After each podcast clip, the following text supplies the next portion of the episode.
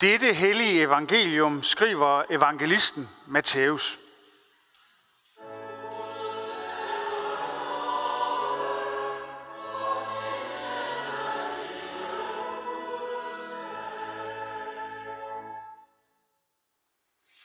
Men mens Jesus talte til dem om dette, kom der en synagogeforstander og kastede sig ned for ham og sagde, min datter er lige død.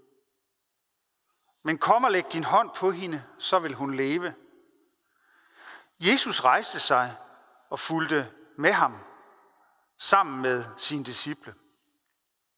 Men se, en kvinde, der i 12 år havde lidt af blødninger, nærmede sig Jesus bagfra og rørte ved kvasten af hans kappe, for hun sagde ved sig selv, bare jeg rører ved hans kappe, bliver jeg frelst. Jesus vendte sig om, så hende og sagde, Vær frimodig, datter, din tro har frelst dig. Og fra det øjeblik var kvinden frelst. Da Jesus kom til synagogeforstanderens hus og så fløjtespillerne og skaren, der larmede, sagde han, Gå væk, pigen er ikke død, hun sover. De lå af ham, men da skaren var jaget bort, gik han ind og tog pigens hånd, og hun rejste sig op, og rygtet derom kom ud over hele den del af landet. Amen.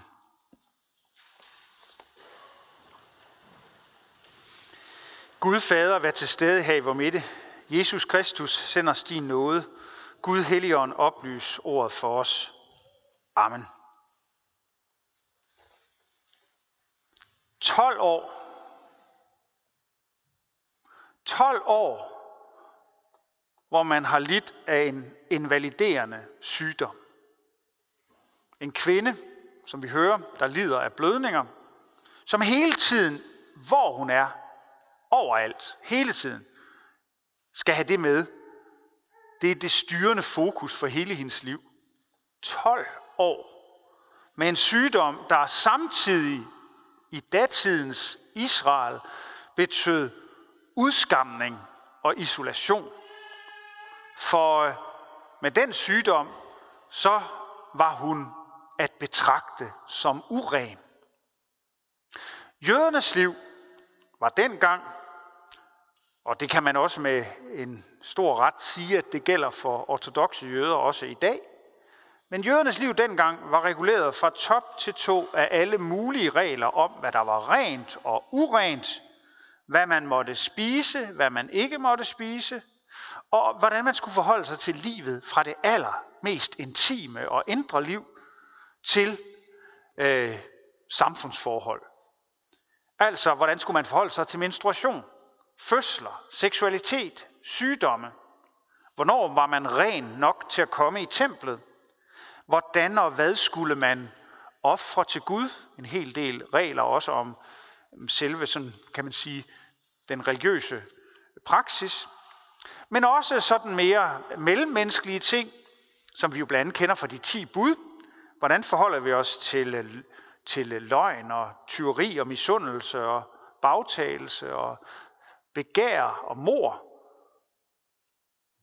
Men også på øvrige ting fylder meget. Hvordan skal man forholde sig til hjemløse, til fattige, til enker, til forældreløse? Og hvordan forholder man sig til fremmede?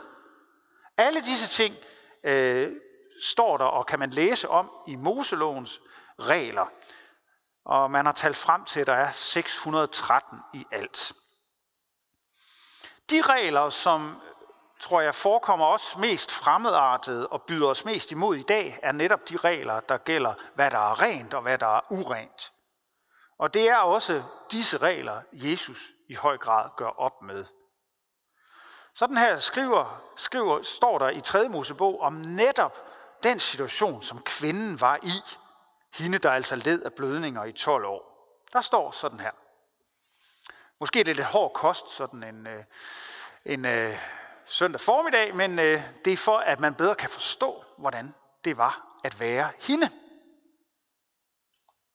Når en kvinde har blødning mange dage uden for sin menstruationstid, eller når hun bløder ud over sin menstruation, er hun uren lige så længe blødningen varer.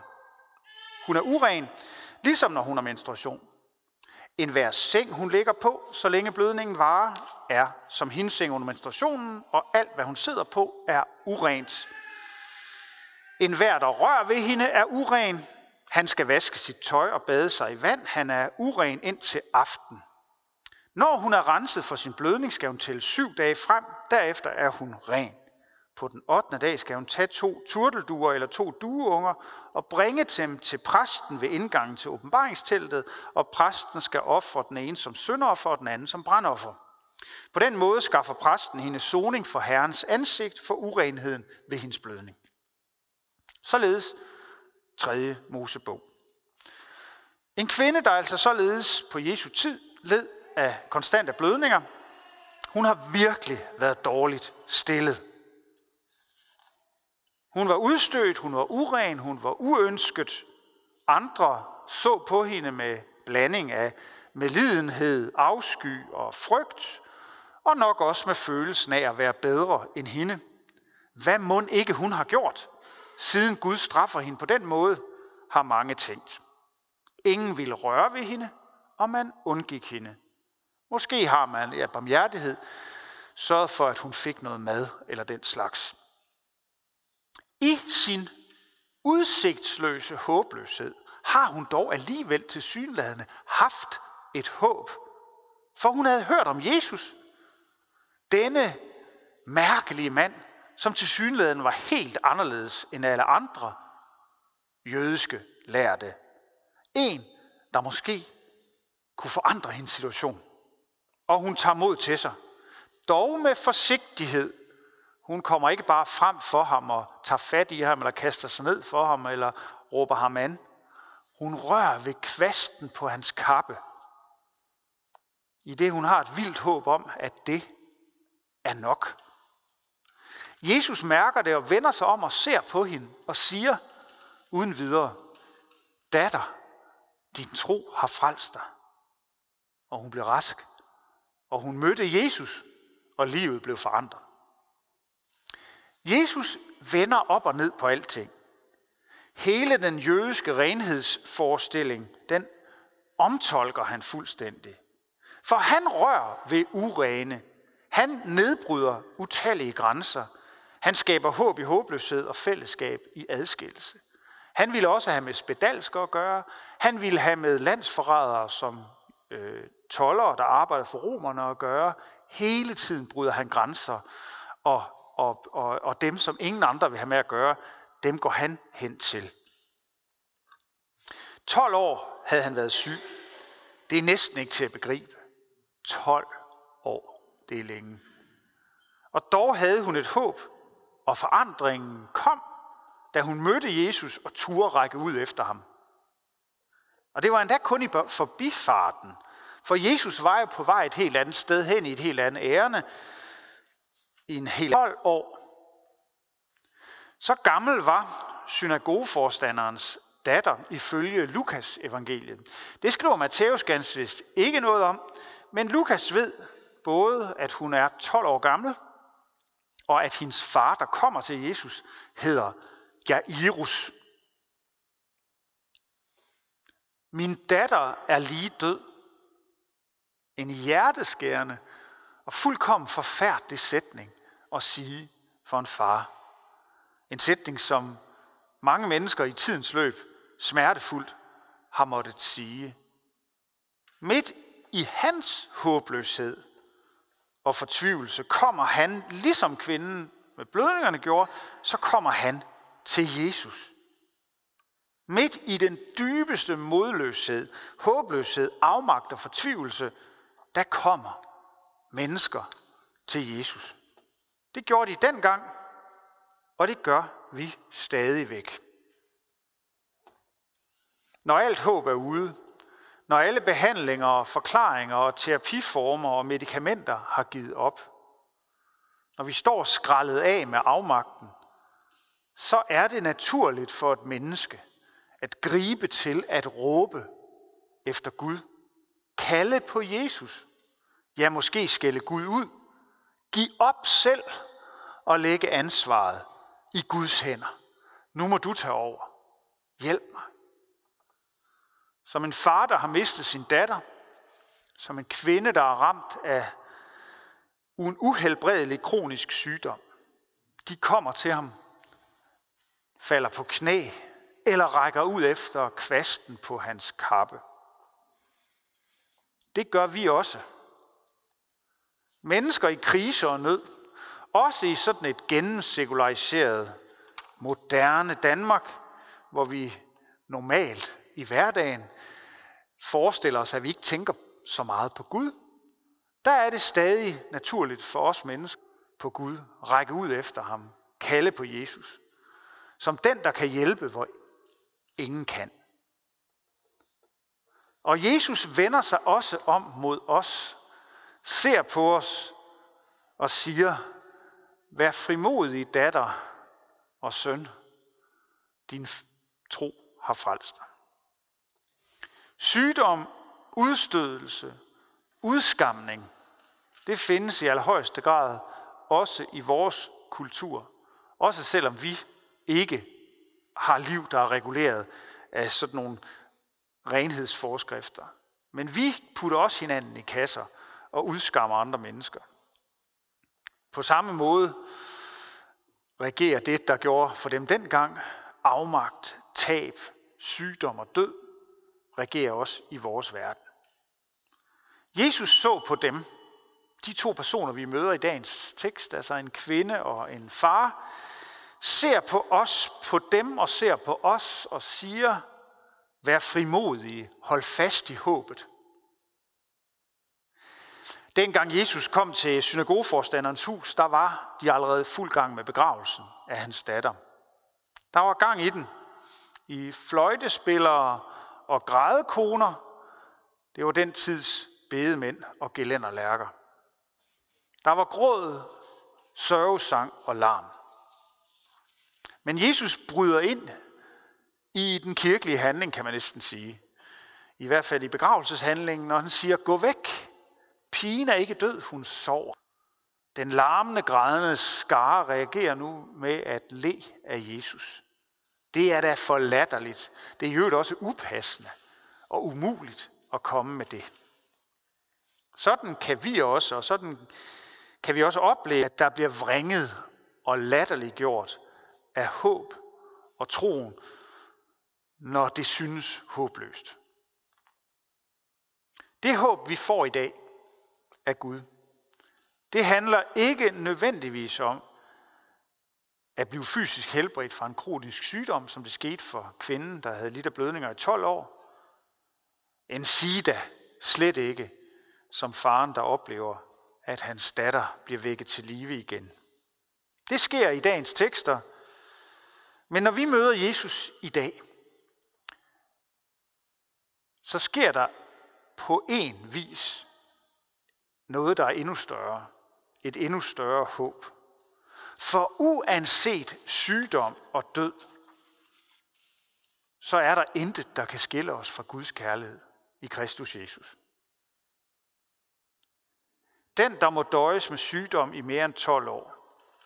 Den, der mister en datter eller søn, en ægtefælle, en forælder, en ven osv. Den, der oplever sorg og smerte i sit liv. Den, der bliver udstødt, er udskammet eller latterliggjort af andre. Den, som er ensom. Alle mødes vi af Jesus. Og han ser på os med kærlighed. Han giver os håb og lover, at han altid vil være med os i vores liv nu og her og til evig tid. Vi er næsten færdige med kirkeåret. Vi har kun én søndag tilbage, så vender bladet, og adventstiden begynder. Næste søndag hedder sidste søndag i kirkeåret. Og her i dag, der mødes vi af forkyndelsen af, at der altid er håb, på trods af sorg og død. Også den, der måtte være tæt ind på livet, er også hver især. Der er altid håb. Vi må hjælpe hinanden til at fastholde håbet. Håbet om, at vi er i Guds hånd her og nu, og at vi også er i Guds hånd på trods af døden, at der er et liv hos ham. Vi må også øve os i at gøre, som Jesus gjorde. Vær med til at bryde grænser. Ræk ud efter mennesker, som ingen andre vil røre ved, eller de mennesker, som er isoleret eller udskammet af fællesskabet. Det er det, Jesus gjorde. Der skal vi forsøge at ligne ham. Og holde fast i for os selv og for hinanden. Der er håb. Der er håb for dig og for den søster og bror, som du deler dit liv med. Og også for den søster og bror, som du ikke kender, men som du møder på din vej gennem livet. Der er håb. Amen.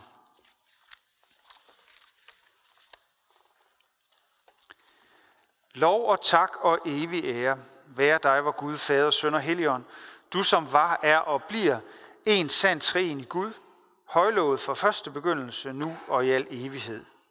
Amen. Hellige Gud og himmelske Far, vi lover og tilbeder dig, som i godhed har skænket os livet og alle det skaber.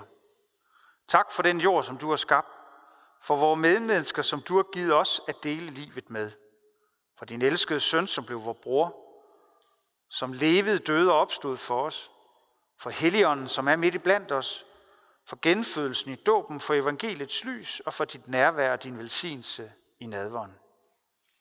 Vi beder dig i dag for William, som er blevet døbt. Vær du med ham hele hans liv og vær med hans familie. Vi beder dig for din kirke ud over hele jorden og her hos os i Herningssorg. Tag ikke nådens og sandhedens ord fra os. Bevar os alle i troen og den indbyrdes kærlighed. Lad håbet om, at du kommer igen, leve i blandt os. Giv os trofaste ledere og forkynder dit ord. Forbarm dig over alle, der far vild. Vi beder for de mennesker, som bliver forfulgt, fordi de tror på dig. Lad dit evangelium komme ud til alle folkeslag.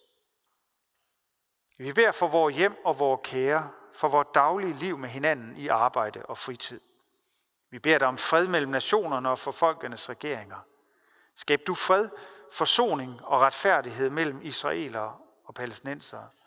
Vi beder dig om fred og retfærdighed i Syrien, i Ukraine og i Irak, og vi beder dig for Afghanistans folk. Vi beder dig også for Danmark. Bevar os som et folk iblandt folkene. Vi beder dig for alle lovlige øvrigheder for alle med ansvar i vores samfund. Vi beder for dronning Margrethe og hele det kongelige hus, for regering, folketing, domstole, regionsråd og kommunalbestyrelsen. Giv dem troskab og visdom til at forvalte deres magt og viden til værn for de svage og til gavn for alle. Vær nær for, hos alle fattige, alle forpinte og bedrøvede, mennesker, der sidder i fængsel, mennesker, der er flygtet fra deres hjemland, forladte og ensomme, dem, der mangler det nødvendigste til livets ophold. hvad nær ved syge, dem, der skal dø og dem, der har mistet. Forbarm dig over os, giv os ikke løn som forskyldt, men fri os fra det onde, og lad os på den yderste dag få lov at opstå med Kristus og evigt takke dig ved din elskede søn, Jesus Kristus. Amen.